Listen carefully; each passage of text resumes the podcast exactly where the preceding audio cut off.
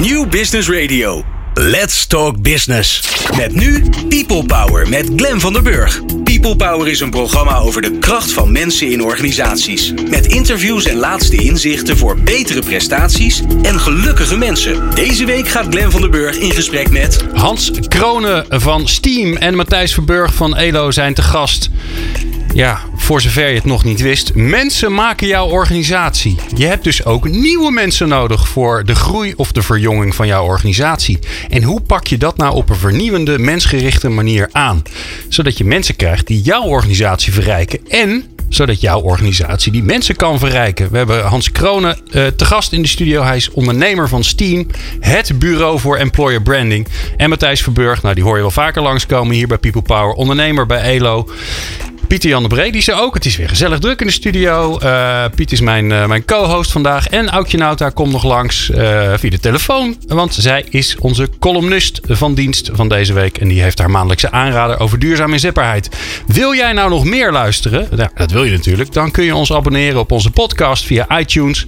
Of allerlei andere dingen. Op onze website vind je de uitleg hoe dat dan werkt. Voor de Apple, de Android, de Sonos en de PC en alle andere apparaten die je kunt hebben. En je kunt tegenwoordig ook op de hoogte blijven via WhatsApp. Sla dan ons nummer op in je contactpersonenlijstje. Heel belangrijk, anders kunnen we je geen bericht sturen. 0645667548. Stuur ons een berichtje met je naam en podcast aan. Dan sturen wij je de nieuwe afleveringen direct zodra ze online staan. Fijn dat je luistert naar People Power. People Power met Glen van den Burg. Met in de studio Hans Kroon van Steam en Matthijs Verburg van Elo Heren. Fijn dat jullie er zijn. Ja, ja, ja daar zijn ze. Kijk eens aan zeg, wat gezellig. Het was Glen hè? Glen. Ja, Glen. ja, ja. toch? Hadden we net afgesproken. Ja, wij zitten al vooraf aan zo'n uitzending altijd een beetje grappen te maken. Tenminste, het ligt eraan wie er is. Maar Hans is een uh, uitermate vrolijke man. Dat ga je wel merken in deze uitzending. Dus uh, ja, dan, uh, dan wordt er al een beetje gedold. Um, ja, heren, uh, het verbinden van nieuwe mensen aan je organisatie is weer helemaal hot. Hè? Ja, want de mm. arbeidsmarkt is gespannen. Ik zag laatst een berichtje langskomen dat het CBS dat ook vindt. Dus is het zo. En wat ik vandaag uh, graag met jullie wil doen, is verkennen hoe je dat nou op een nieuwe, mensgerichte manier kan doen. Dat werven, selecteren, recruiten. Nou ja, hoe je het ook allemaal wil noemen. De employer journey, nou, enzovoort, enzovoort. Um, en daar hebben we twee, uh, twee gasten voor in de studio die daar, uh, die daar wel een, een, een mening en een, een visie op hebben. Um, Hans, jouw bureau Steam doet aan employer branding. Ja.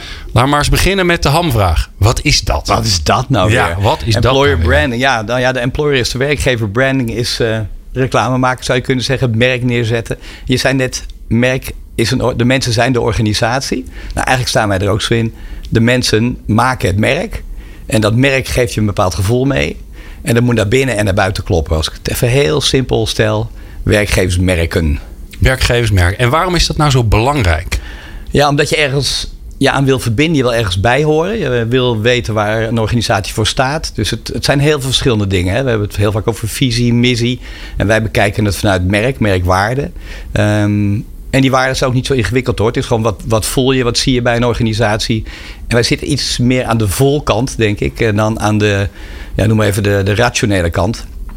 Uh, met ze yeah. blijken ook voor 80% te kiezen uh, vanuit de emotie. Als het gaat bijvoorbeeld om een nieuwe baan. Maar ook als je ergens blijft, moet het gewoon goed voelen. Ja. Wat, wat, is nou een, een, bedrijf wat we allemaal kennen, mm -hmm. waarvan jij zegt van nou dat is nou, dit is nou een fantastisch werknemer, een uh, employer brand? Ja, dat zijn, dat zijn er eigenlijk uh, wel veel. Maar ik vind dat altijd. Ik, ik, dacht wel dat je die ging stellen. Die ja, is lastig. Is um, omdat die binnen- en die buitenkant zo goed aan elkaar moeten worden verbonden. Hè. Je kunt zeggen, is een Google dat dan? Uh, omdat mensen daar, of, de, de, de, of, of misschien Apple. Als je ziet hoe Steve Jobs er al over sprak over employer branding, over zijn eigen mensen. Dat hij dat bijna belangrijker vindt dan hè, als, als het goed komt met je mensen, komt het met je product ook wel goed. Dat, dat is wel, dat soort visies, dat past wel bij ons. Um, tegelijkertijd um, vind ik het heel lastig om te zeggen of die binnen- en buitenkant heel erg klopt. Het komt ook wel omdat wij nog wel heel erg veel voor die buitenkant worden ingehuurd. Maar we kijken natuurlijk heel snel naar binnen. En dan zien we ook nog wel eens verschillen. En dan, ja, we hadden het net even in het voorgesprek over hoe, hoe wijs je bijvoorbeeld mensen af dat is eigenlijk een vraag die wij misschien niet eens horen te stellen, maar die ik zelf wel heel erg belangrijk vind. Want je wijst weer mensen af en dat je aanneemt. Nou, daar zijn hele mooie voorbeelden van. En dan denk ik, nou, die doen dat dan goed. Dus in stukken doen bedrijven het heel goed. ik weet zo'n voorbeeld van Ziggo Media, die in Engeland zeg maar, hadden gekeken naar de business. En die zeiden van, maar de mensen met wie we in gesprek raken voor een baan, zijn voor een deel ook onze klanten. Um, en er wordt ook wel eens over geslagen. Dat bleek dus, hebben ze uitgerekend dat ze 4 miljoen business konden behouden. door beter met hun candidate experience om te gaan. Dus ze deden niet omdat ze nou vanuit HR of zo heel mensgericht waren. maar ze deden het vanuit de business. En dan kunnen we business houden. Vind ik ook een goede drijfveer. Maar eigenlijk beginnen ze met een soort basishouding van ja, hoe ga je met mensen om? Ja. Maar Matthijs, hoe, hoe is het gesteld, denk je? Als jij zo'n beetje, want jij komt ook op, bij heel veel bedrijven langs. Ja dat, dat die, die ervaring die zeg maar, kandidaten hebben uh, met een potentiële werkgever. En misschien zijn ze nog niet eens kandidaat. Maar hoe, hoe, hoe vind jij het als je nou, de pijlstok erin stopt? Als, als we eh, naar de voorkant gaan, hè, waar Hans natuurlijk uh, zijn vak heeft. Wat, wat mij opvalt is, um, ik word vaak ook betrokken bij selectieproblemen, uitdagingen, vernieuwingen. En dan, komt, dan zie je soms ook wat er achter de schermen, hoe het is. En vervolgens wat er gecommuniceerd wordt aan de buitenkant. En jij zei dat, mm -hmm. hè? binnen buitenkant moeten kloppen. Ja. Maar ik mis ook bij best veel werkgevers een soort authenticiteit. Een geloofwaardig verhaal. Hoe, zo is het echt bij ons. Ja. En ik snap best wel dat je natuurlijk zegt: ik ga niet alleen maar de, de vervelende dingen bij ons benadrukken of wat dan ook. Maar ook. ik vind dat een soort ja. heel veel arbeidsmarktcommunicatie, ook werken bij sites, wat dan ook, zijn een soort ingeblikt. Veel uitdagingen, we groeien hard. Hmm. Uh, er is hier veel mogelijk, het is hier gezellig. Uh, we hebben een, en, daarmee wordt het een soort, tafel. Ja, en daarmee wordt het een soort generiek verhaal waarvan je denkt, nou ja, ik krijg best een indruk. Uh, maar het authentieke verhaal begin je pas te horen als je met recruitment soms in gesprek gaat of in het vervolg van de procedure. En ik ja. heb iets, waarom pakt geen één werkgever die kans om te zeggen, wij komen met gewoon een heel bland, open verhaal aan de voorkant. Waarvan mensen denken, wauw, bij zo'n club daar wil ik. Uh, dus de, laat ik zeggen, de ma mate van authenticiteit. En misschien is dat ook jouw strijd om dat voor elkaar te krijgen hoor. Maar uh, die mis ik soms echt wel. Nou, Hans? Nou ja, st ja strijd. Het, um, Kijk, ik, ik, ik ben blijf wel een reclamejongen. Even heel erg plat. Uh, en dat zal ik ook blijven. Want ik geloof wel dat je het mooi moet verpakken. Maar ik geloof in dat mooie verpakken. Dat er ook die negatieve kant juist in moet zitten. Um, en dat negatieve heeft iedere organisatie. De, de dingen waar aan gewerkt moet worden. Verhalen als het is hier geen gespreid bedje. Lees je dan wel eens. Hè? Ja. Want er moet al wat gebeuren. De afdeling ja. is op zijn kop. Nou, dat is prima. Um, en, en wat dan weet je waar je aan begint. Um, we hebben ook voor ABN AMRO gewerkt. Ook in de periode dat het wat lastiger was rondom de, de, de hele overnames.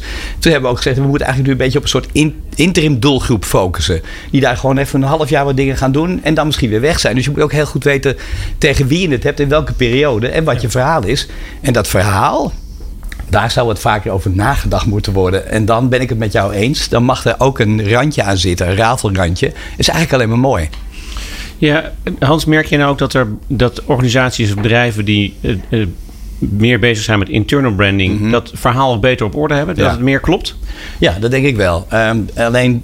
Um, die internal branding kant, um, dat zie ik wel vaak in, ja, in een sfeer ontstaan van. Um, zeg het maar gewoon. Ja, een beetje een tuttigheid. Ja, ja eigenlijk. Ik voelde hem al aankomen. Van, van, die sessietjes waar je denkt van... oké, okay, we moeten iets met elkaar, dus daarom doen we het zo. Um, het, het, zijn niet van die feestjes. Uh, en dat zou het eigenlijk wat meer moeten zijn volgens mij. Dat je echt probeert met elkaar echt een feest, feestje ervan te maken. En dat dan weer naar buiten te brengen van binnenuit. Want dat lijkt dan een beetje op het Singo-verhaal wat je vertelt. Dat ze hebben berekend... als wij het ja. inderdaad meer in lijn brengen met hoe we eigenlijk echt zijn... dan, uh, dan, dan, dan binnen we 4, hè, 4 miljoen. Uh... Ja, en die cijfers, die, daar zijn er nog wel wat meer van. Ik heb ze even opgeschreven, ik ben er niet zo goed in. Maar dat, we hebben, uh, engagement is dan een mooi woord voor. Hè? Betrokkenheid van je medewerkers. Die dus hangen aan dat merk. Die daarvoor willen gaan voor dat merk. En die eigenlijk die werving van binnenuit ook al zouden kunnen doen. Hè? Dan heb je het over referral. Maar uit Factory onderzoek van vorig jaar november is gebleken dat 21% meer productiviteit kan komen op het moment dat je een groter engagement hebt. Uh, 37% minder verzuim, ziekteverzuim, 65% meer loyaliteit en 22% meer winst. Wie wil dat nou niet? Ja. Als je dat wil, bel Hans Kronen. ja, nee, maar Hans is wel interessant. Uh, want dan gaat het over betrokkenheid. Hè? Dus het gaat over de mensen die, die werken bij jouw organisatie. Precies, precies. Zeg je dan eigenlijk impliciet ook... als je op een goede manier aan employer branding doet... dan straalt dat natuurlijk uit naar buiten... Maar net zo hard naar binnen? Net zo hard naar binnen. En die ervaring, kijk, als je nou, want we zijn natuurlijk met die buitenkant begonnen, maar we hebben het bij het UMC Utrecht 17 jaar geleden al ontdekt. Toen gingen we de buitenreclame doen, omdat we mensen nodig hadden, verpleegkundigen, maar eigenlijk ook wel in de breedte allerlei vacatures. En dat ging zo naar binnen werken. Die bus die reed naar de Uithof uh, met, met, een uh, campagne van ons erop. Uh, men stapte in hun eigen bus. Het, men werd weer trots op die eigen organisatie. En dat zie ik nu heel erg. De, hoe meer je campagnes maakt, waar je, en dan kom je bij jouw verhaal, mensen erbij betrekt. Um, maar wel hele mooie verhalen. We hebben net uh, IT komt bij de politie.nl uh, afgemaakt. Als je die verhalen leest, waar de purpose van de politie, de, de, de, de hele, het hele grote overal doel van de politie, plat gezegd criminaliteit bestrijden, boeven vangen, ook door IT'ers, uh, hoe daar wordt bijgedragen. Maar in allerlei verdiepingsitems duik je gelijk helemaal dat vak in. Ja. En dan zie je dus gewoon wat je daar precies doet. Dus het is het, je, je moet zo, die relevantie is eigenlijk het toverwoord nu. Ja. En met targeting op de, vandaag de dag kan je dat ook 100% rondmaken. Dat is zo mooi. Ja, ik ga uh, straks aan uh, Hans en uh, Matthijs vragen. Um, ja, hoe je dat dan doet. Want ik weet in ieder geval dat, dat Hans Kronen met Steam de campagne voor, nou ja, voor de politie, maar zeker ook voor Defensie mm -hmm. doet. Hè. Die zie je altijd langskomen op tv. Dat je denkt, wauw, ik dacht, ik wou dat ik dat nog kon op mijn leeftijd. Dat is helaas te laat daarvoor. Bent, ja. ja, daar was ik al bang voor. Ja, um, maar, um, nou, bij de reservisten misschien? Ja, de reservisten. Ja, ja, ja. ja. Ik was al bang dat het zo'n uitzending zou gaan worden. Je hangt. Kunnen we dat afspreken? Ja, zeker. Ja, dat Goed kunnen zo. we afspreken. Ja. Nou, ik ben helaas al afgekeurd. We're all recruiters. Um, ik doe ondertussen jullie schuif dicht, want uh, we gaan straks, straks, verder, straks verder praten. Met Hans Kronen van Steam en Matthijs Verburg van ELO. En natuurlijk mijn fijne collega Piet Jan de Bree hoor je straks. People Power. Inspirerende gesprekken over de kracht van mensen in organisaties. Met Glen van der Burg. Hans Kronen van Steam en Matthijs Verburg van ELO zijn in de studio. We hebben het over ja, hoe je nou op een, op een nieuwe manier nieuwe mensen aantrekt. Want uh, niet alleen is dat hard nodig, maar ja, je moet er ook voor zorgen dat je daarmee. Uh, ja, dat eigenlijk dat, dat in contact komen met mensen die je, die bij jouw organisatie uitnodigt. Ja, dat, dat, dat, is, dat is nogal een ding, toch? Dat, volgens mij vergeten we dat nog wel eens. Maar als je nou. Hè, ik stel me dan voor dat op het moment dat je ergens uh, in geïnteresseerd raakt, dat al die stapjes die je zet, die zijn weer op weg naar ga ik me aan jou verbinden? Ja. Wil ik bij jou horen? Uh, het is ook altijd weer spannend, want je kunt ook afgewezen worden. Mm -hmm. het, is, het, is een beetje, het is een beetje alsof je in de kroeg staat en denkt, nou, een leuke meneer of een leuke mevrouw. Ik ga eens even kijken of ze wat van me wil drinken. Nou, dat, eh, voor die tijd gebeurt er heel veel. En als je afgewezen wordt, ben je heel verdrietig. Of vind je dat een rare, ver, rare vergelijking? Nee, dat is een hele goede vergelijking, ja? denk ja. ik. Ja hoor, we vergelijken het wel eens met daten. Ja, ontmoeten uh, uh, is, is een, denk ik een kern in arbeidsmarktcommunicatie. Je kunt online maar een bepaald verhaal voelen. Weet je, de, natuurlijk staan de testimonials erop, wat net al over authentiek moeten die zijn, is het reclame. Maar de bekende testimonials, die zijn er ook in alle soorten en maten. Mooi en maar ook echt ubersaai. Um, vroeger zeiden we van, als het nou maar video is, dan wordt het vanzelf echt. Maar dat was natuurlijk in de tijd dat er een foto in een tekstje stond. Maar nu met al die video's, zit je om naar dingen te kijken dat iemand dan een scriptje heeft opgelezen. Ja, het is hier echt ontzettend leuk hoor. U kunt heus, heus bij ons komen ja. werken, want de sfeer is fantastisch. Het is heel afwisselend. Het is heel afwisselend. Kijk, loopt u maar even mee. Hier zijn we met Agile bezig. nou, weet je, dat, dat, soort, ik overdrijf een beetje, maar je ziet echt dat soort filmpjes, weet je. Dus ook dat moet je toch leuk maken. Maar het echt te ontmoeten. En daar kan het ook misgaan. Hè? Uh, ja, je weet het allemaal. Als je ergens steeds zit te wachten. Um, op het moment dat je ontvangen wordt en iemand geeft jou niet de fijne hand. Of is eigenlijk met andere dingen bezig. Kijk je niet echt aan. Weet je, al die momenten. Jij zijn het de recruiter die je moet ontvangen. Maar eigenlijk wil je toch veel liever je, je baas, collega's. Ja, of, je collega's. Ja. Of nee, stel voor een traineeship, je andere trainees. Weet je wel, ja. uh, met jonge mensen, jonge mensen. Bij Defensie, potentiële soldaten, uh, soldaten en, en, en die Ja, daar wilde ik het nog even met je over hebben, okay. Hans. He, binnen is buiten. Ja. Jullie maken prachtige uh, commercials voor Defensie. He, die hebben een, een, grote uitdaging om mensen mm -hmm. daarvoor te interesseren. Dat is ook niet zo raar, want kom bij ons werken, je gaat misschien dood. Is een beetje een rare boodschap. Maar dat, ja, voor, voor sommige banen daar kan dat gelden. Kan gebeuren. Dus het is echt een, eigenlijk wel een, een heftige uitdaging die, er, die ervoor is. Het zijn prachtige filmpjes. Mhm. Mm -hmm. Hoe zorg je er nou voor dat ze, ja, dat ze er niet voor zorgen dat al die mensen die er al werken denken: jeetje, zeg, het is geen Hollywood-film hier. Ja, nou, dat, wel, dat lijkt me wel spannend. Dat, als je kijkt naar wat we, wat we onderzoeken, eh, blijkt daar wel ook uit dat mensen de, de huidige films en de commercials, je moet het wel op de verschillende lagen zien. Want jij ziet de tv-commercials voorbij komen, die, hebben, die zijn het meest episch, zeggen we wel eens. Ja. Er zit er heel veel communicatie omheen, heel veel getarget ook. Uh, het zal altijd die uitdaging in zich dragen. Hè, dat je moet het maar kunnen, dat staat ergens voor. Um, tegelijkertijd, uh, ja wordt het intern wel herkend en, ehm, en is men er trots op. Bijvoorbeeld de geschikt-ongeschikt campagne ken je ook nog wel. Dat ging dan vaak over de, de burgerwereld. En wat betekende daar in de, in de, bij, uh, in, in, de, in de wereld van, uh, van het leger. Maar tegelijkertijd zie je dat het nu toch uh, echt dichter op de echte wereld zit. Okay. En die commercials die jij ziet, oké, die zijn wat epischer gemaakt, maar het is wel allemaal wat er echt gebeurt. Um, maar het zorgt er dus voor dat mensen die bij Defensie werken, mm -hmm. alles wat jullie doen, waarbij die commercials natuurlijk de meeste grootste blikvanger zijn, die zorgen ervoor dat, dat mensen bij Defensie denken: wauw, ik werk nou, ik werk bij dat vind ik echt. Dat zou ik een overpromise ook van onszelf weer vinden. Ik okay. denk wel dat ze, en dat zie je eigenlijk bij alle campagnes die je doet, dat mensen daar wel trots van worden. Ik gaf net politie in UMC Utrecht als voorbeeld. Defensie geldt dat denk ik ook voor. Maar zowel voor politie als defensie dagelijks in het nieuws. Met positieve, negatieve dingen.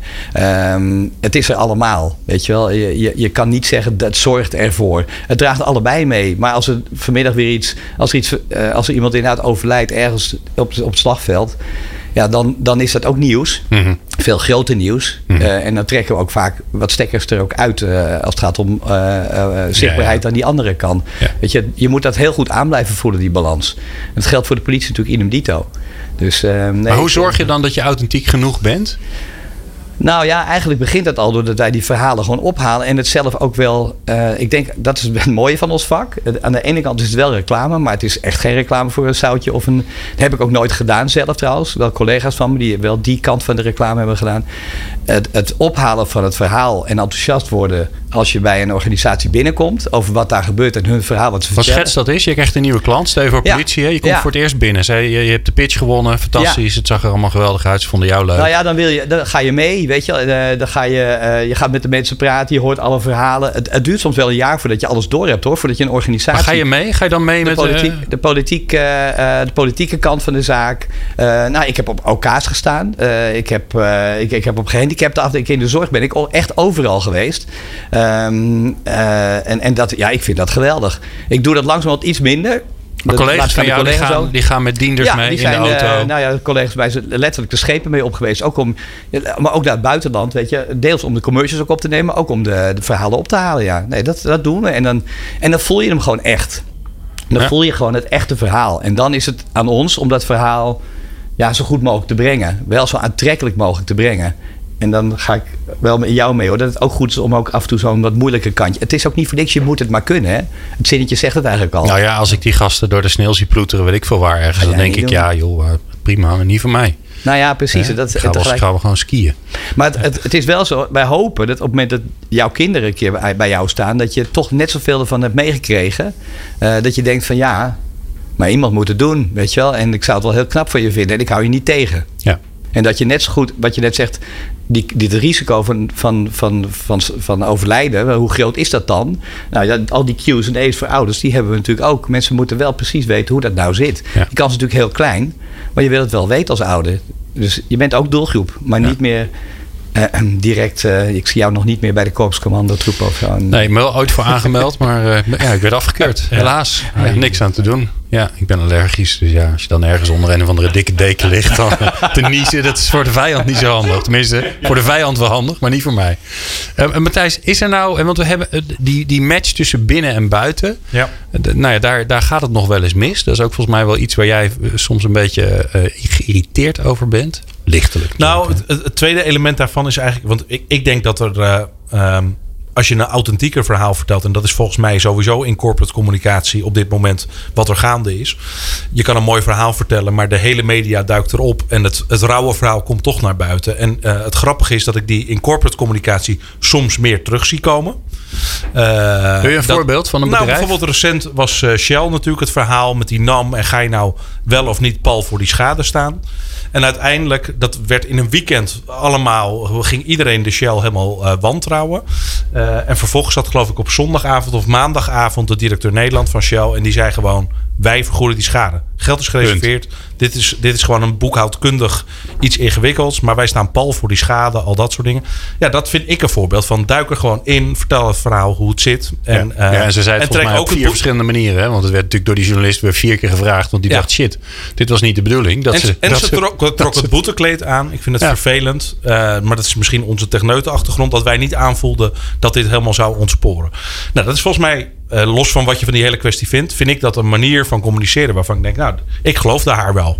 Uh, en ze komt niet met een, uh, ze, zit, ze gaat er ook gewoon zitten. Hmm. En ik vind in heel veel corporate communicatie dat steeds meer komen. En arbeidsmarktcommunicatie vind ik vaak een beetje wel soms attractief en gaaf, maar waarvan ik denk, nou, is dit nou het echte verhaal? Maar noem er eens een.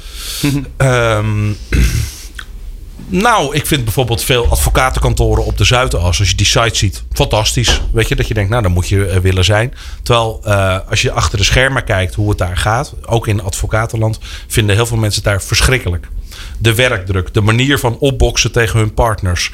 Uh, al dat soort dingen. Tuurlijk leer je er veel, maar in een klimaat wat heel slecht is voor je gezondheid. Een druk om sociaal bij iedere borrel, dingen, zeiltocht te zijn.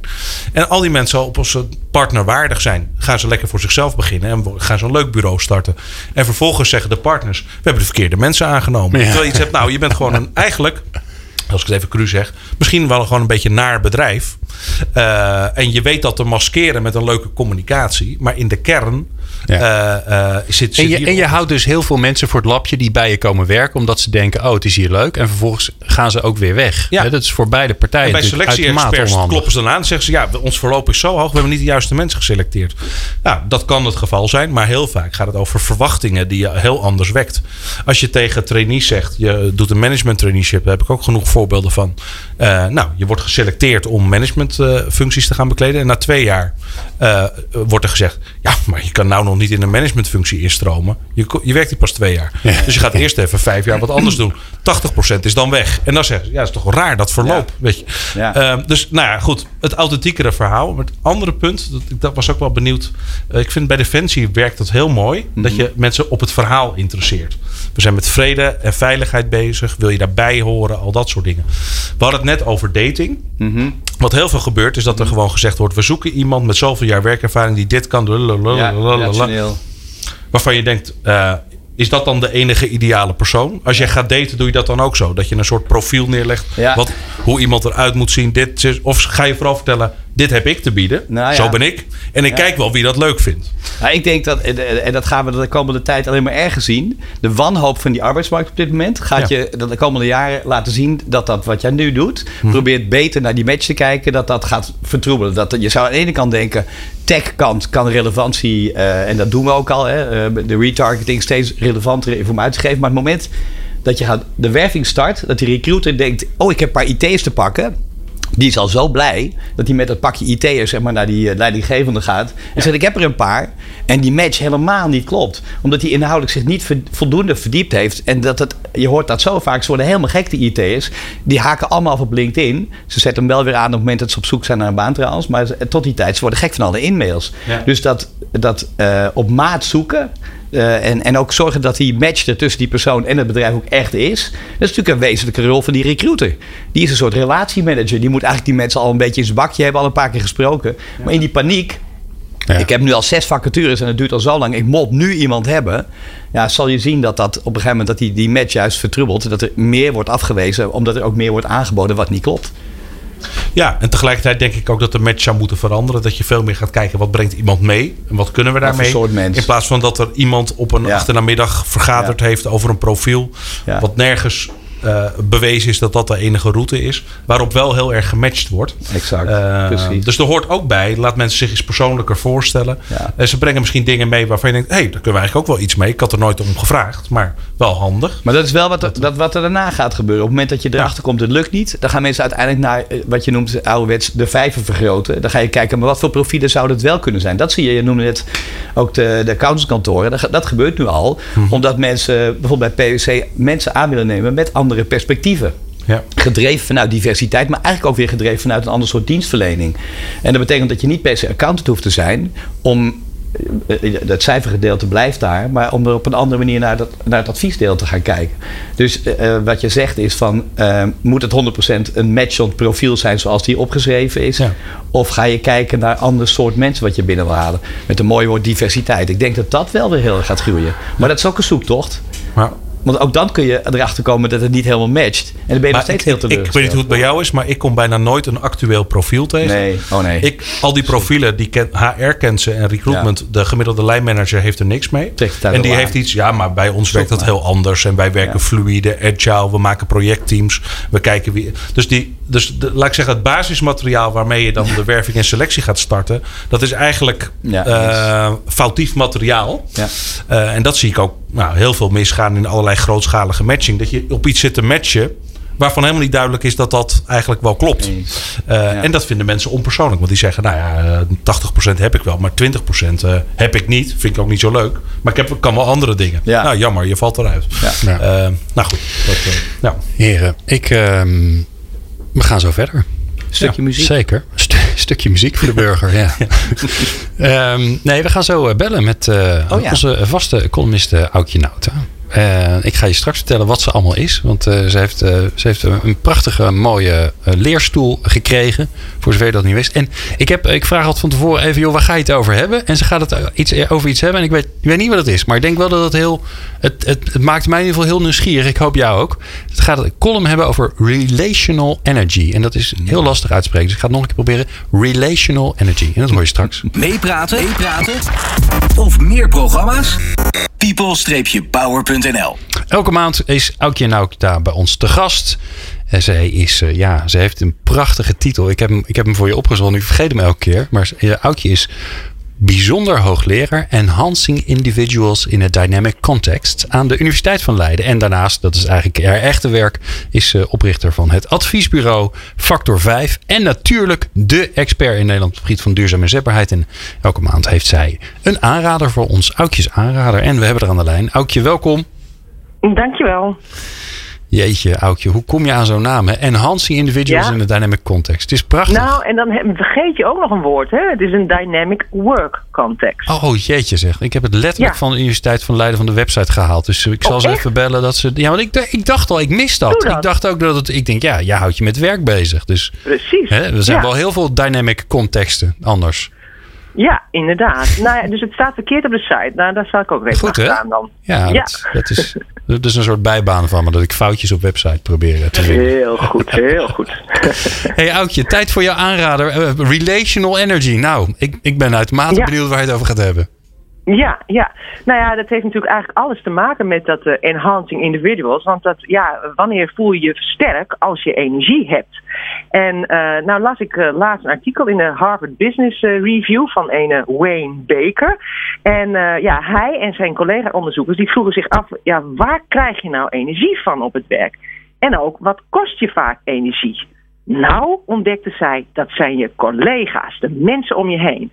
Dus mensen om je heen die kunnen een bron zijn van inspiratie, van uh, nieuwe ideeën, van uh, ja, vrolijk humeur, bevlogenheid. Maar je kan je ook voorstellen dat heel veel collega's ook een energy drain kunnen zijn. Hè? Gewoon energie slurpers, vreters. Je kunt ook ontzettend moe worden van collega's of van je baas.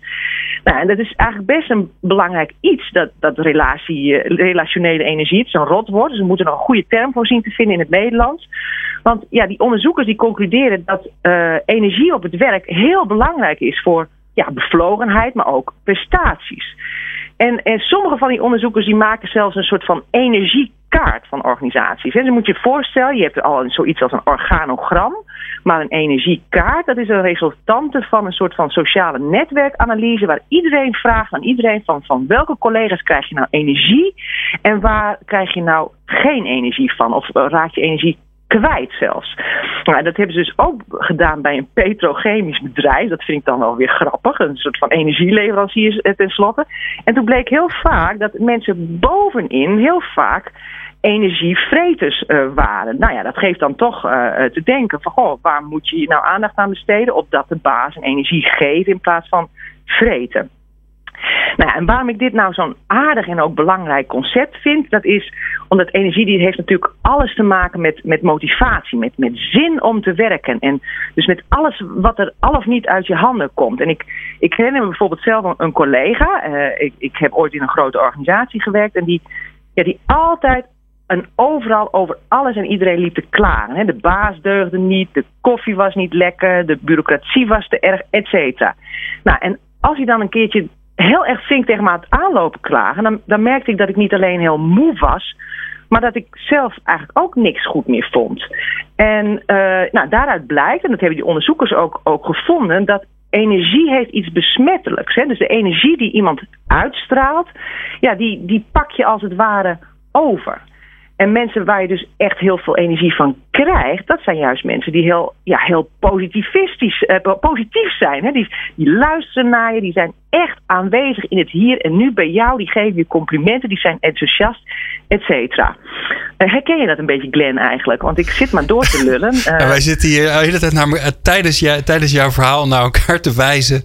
Dus ik zat ja. heel flauw naar Pieter Jan te wijzen. Dus zei van die collega's die energy drain zei, dat is helemaal niet zo. Ik word altijd heel blij van Piet. Maar, ja, dat dacht nee, ik, ik herken het heel erg. Ja, ja. Ik, ik denk dan wel bij mezelf, ja, ik hoop dat mensen een beetje energie van mij krijgen. Maar ja, Ja, hè? ja, ze zitten hier allemaal heel, heel braaf te knikken. Dank jullie wel. Nou ja, wat je in ieder geval niet moet doen is functioneringsgesprekken voeren met mensen. Want ik herinner me dat ik zelf ooit eens de vraag heb gesteld in, eh, in een onderzoek zo van... eh, heb je van je laatste functioneringsgesprek een beetje energie gekregen?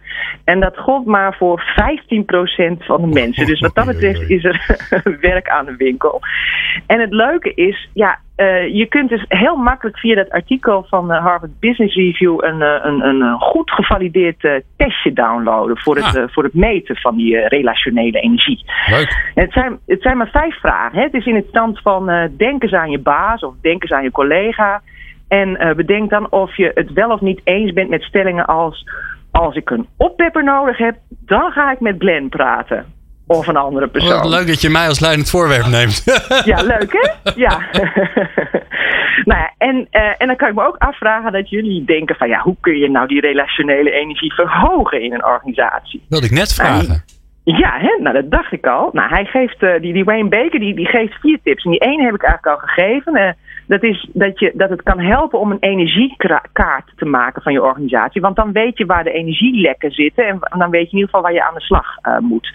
Maar stel je bent nu een individu die denkt van... goh, ik wil mijn werk met een beetje e energie doen. Uh, zorg dan dat je goede verbindingen met leuke mensen aangaat.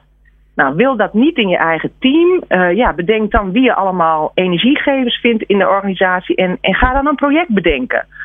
Bijvoorbeeld een personeelsfeest met ze organiseren. En dan kom ik eigenlijk ook gelijk op uh, tip 2. Dat is uh, dat het helpt om energiegevende events te organiseren. Zoals het personeelsfeest of een conferentie waar je bijvoorbeeld Glenn of jouw collega als voorzitter, dagvoorzitter of podcastmaker laat optreden. Top idee. Um, ja, hè, dus, uh, want ja, daar, daar krijg je gewoon energie van. En dan kan je heel veel mensen ontmoeten. En de laatste tip, en ja, die is me uit het hart gegrepen, want dat is iets waar ik zelf ook veel onderzoek naar heb gedaan, is zorg dat je een, een cultuur bouwt van, van geven, van helpen, van, van altruïsme. Want het is juist van helpen dat je een soort van warme gloed krijgt. Maar ook als je hulp krijgt, dan, dan word je dankbaar en, en ben je zelf ook weer geneigd te helpen. En dan ontstaat een soort van energetische keten van pay it uh, forward. Nou, een hele simpele manier om dat te doen is uh, ja, om een zogenaamde durf te vragen lunch te organiseren. Dus je, je plukt willekeurig 20 mensen uit de kantine. Je hebt een ingewikkeld vraagstuk, kan niet heel technisch zijn of van heel andere aard. Je vraagt die mensen van brainstorm even met mee. Nou, daar krijgen ze zelf heel veel energie van omdat ze jou helpen. En je bouwt zo aan die cultuur van uh, geven en, uh, en helpen. Nou.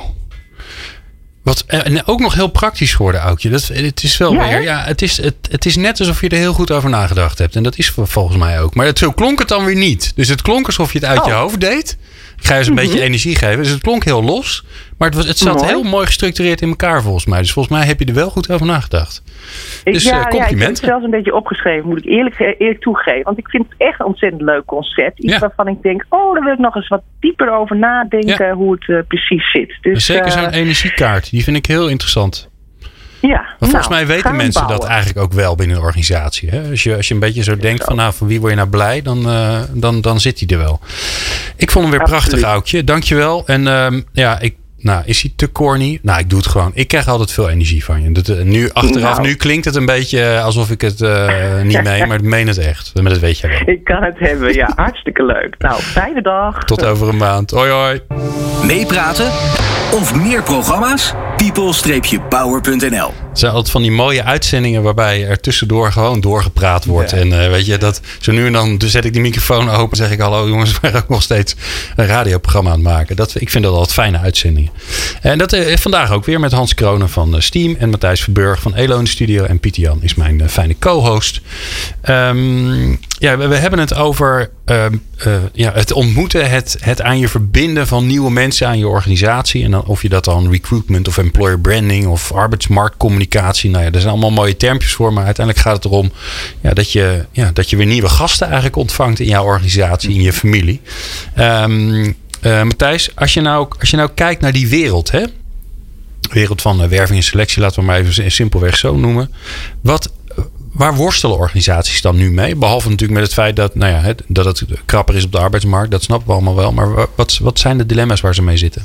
Nou, wij komen bij heel veel organisaties die merken dat hun populatie in hoog tempo moet veranderen. Want het tempo van verandering is hoog geworden in eigenlijk heel veel organisaties. Dus ze weten eigenlijk niet zo goed meer wie ze nou precies nodig hebben. Um, maar wat ze wel willen is dat het mensen zijn die gaan voor de missie, de doelen van die organisatie. Hè? En de ene organisatie is wat meer bevlogen dan de ander. Maar ze hebben allemaal wel een soort magneet van hier zijn we van. En uh, wat ik wel een interessante vraag aan Hans vind. Als je niet zo goed weet wie je nou eigenlijk zoekt. Ik zoek een mix van talenten van allerlei mensen die van uh, alles kunnen. Ik wil graag mijn missie naar buiten brengen. En ik wil een magneet zijn voor de juiste mensen. Zonder dat ik precies weet, deze acht profielen zoek ik. Hoe zou jij dat dan... Nou, wat zou je ze adviseren? Ja, ja jeetje. Even een holistische vraag. Nou, um, we, we, praten over communicatie, maar ik moet net komen even Daniel Pink in me op uh, met zijn purpose en zijn mastery en autonomy. Um, dat komt dat jij ook, je zegt eigenlijk van het is een veranderende wereld. En dat is ook zo. Je ziet bij heel veel organisaties, ook bij ons, weet je, je moet het allemaal maar bij kunnen houden. En het lijkt wel steeds sneller te gaan. Maar probeer die verandering nou eens te vatten. Zoals we eigenlijk net hebben gehoord, kan het in energie zitten. Hè? Dan krijg je energie van je collega's. Als de boel heel erg verandert en de collega's om je heen die zien dat eigenlijk die verandering niet zit, die zetten hun hakken in het zand. Ja, en jij wil wel een sprintje trekken, dan heb je daar eigenlijk al een probleem. Um, dus dat los je ook niet zomaar op. Dat los je ook niet met communicatie alleen op.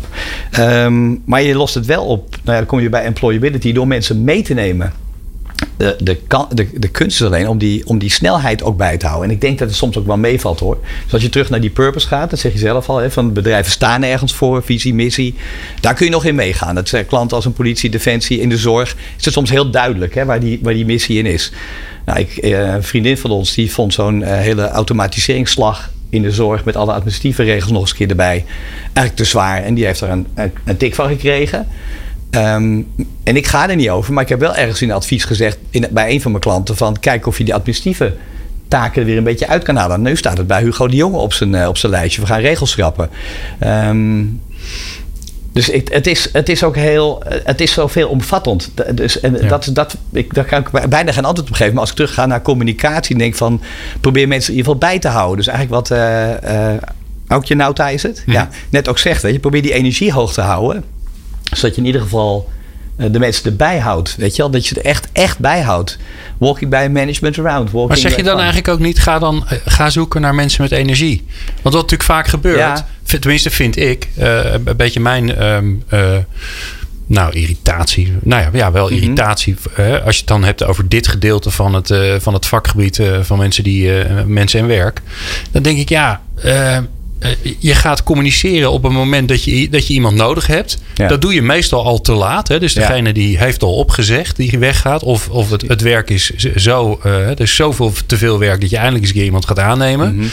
Uh, vervolgens ga je op zoek naar iemand die ergens precies aan moet voldoen. Of in ieder geval, dat is je communicatie. Ja. Hè? Heb je dit allemaal, dan mag je komen. Terwijl ik denk, ja, dat is toch helemaal niet meer. Uh, ja, als, als, we weten dat, dat vaardigheden en kennis zo snel erodeert. dat we zo snel weer nieuwe dingen nodig hebben. Ga dan op zoek naar, naar een persoonlijkheid die. Ja, en nee, kijk, pak dan de operatieassistent in, in op de OK. Jij wil niet een hele mooie persoonlijkheid die in jou gaat snijden dat is waar. of helpt. Ja. Dus je moet wel een bepaalde, bepaalde achtergrond hebben. Maar om anders naar die doelgroep te kijken. Wat is je vijver? Dat kan wel. Uh, een tijdje geleden bij het UMC Utrecht zei een van de teamleiders... moeten we niet een 50-plus groep weer starten?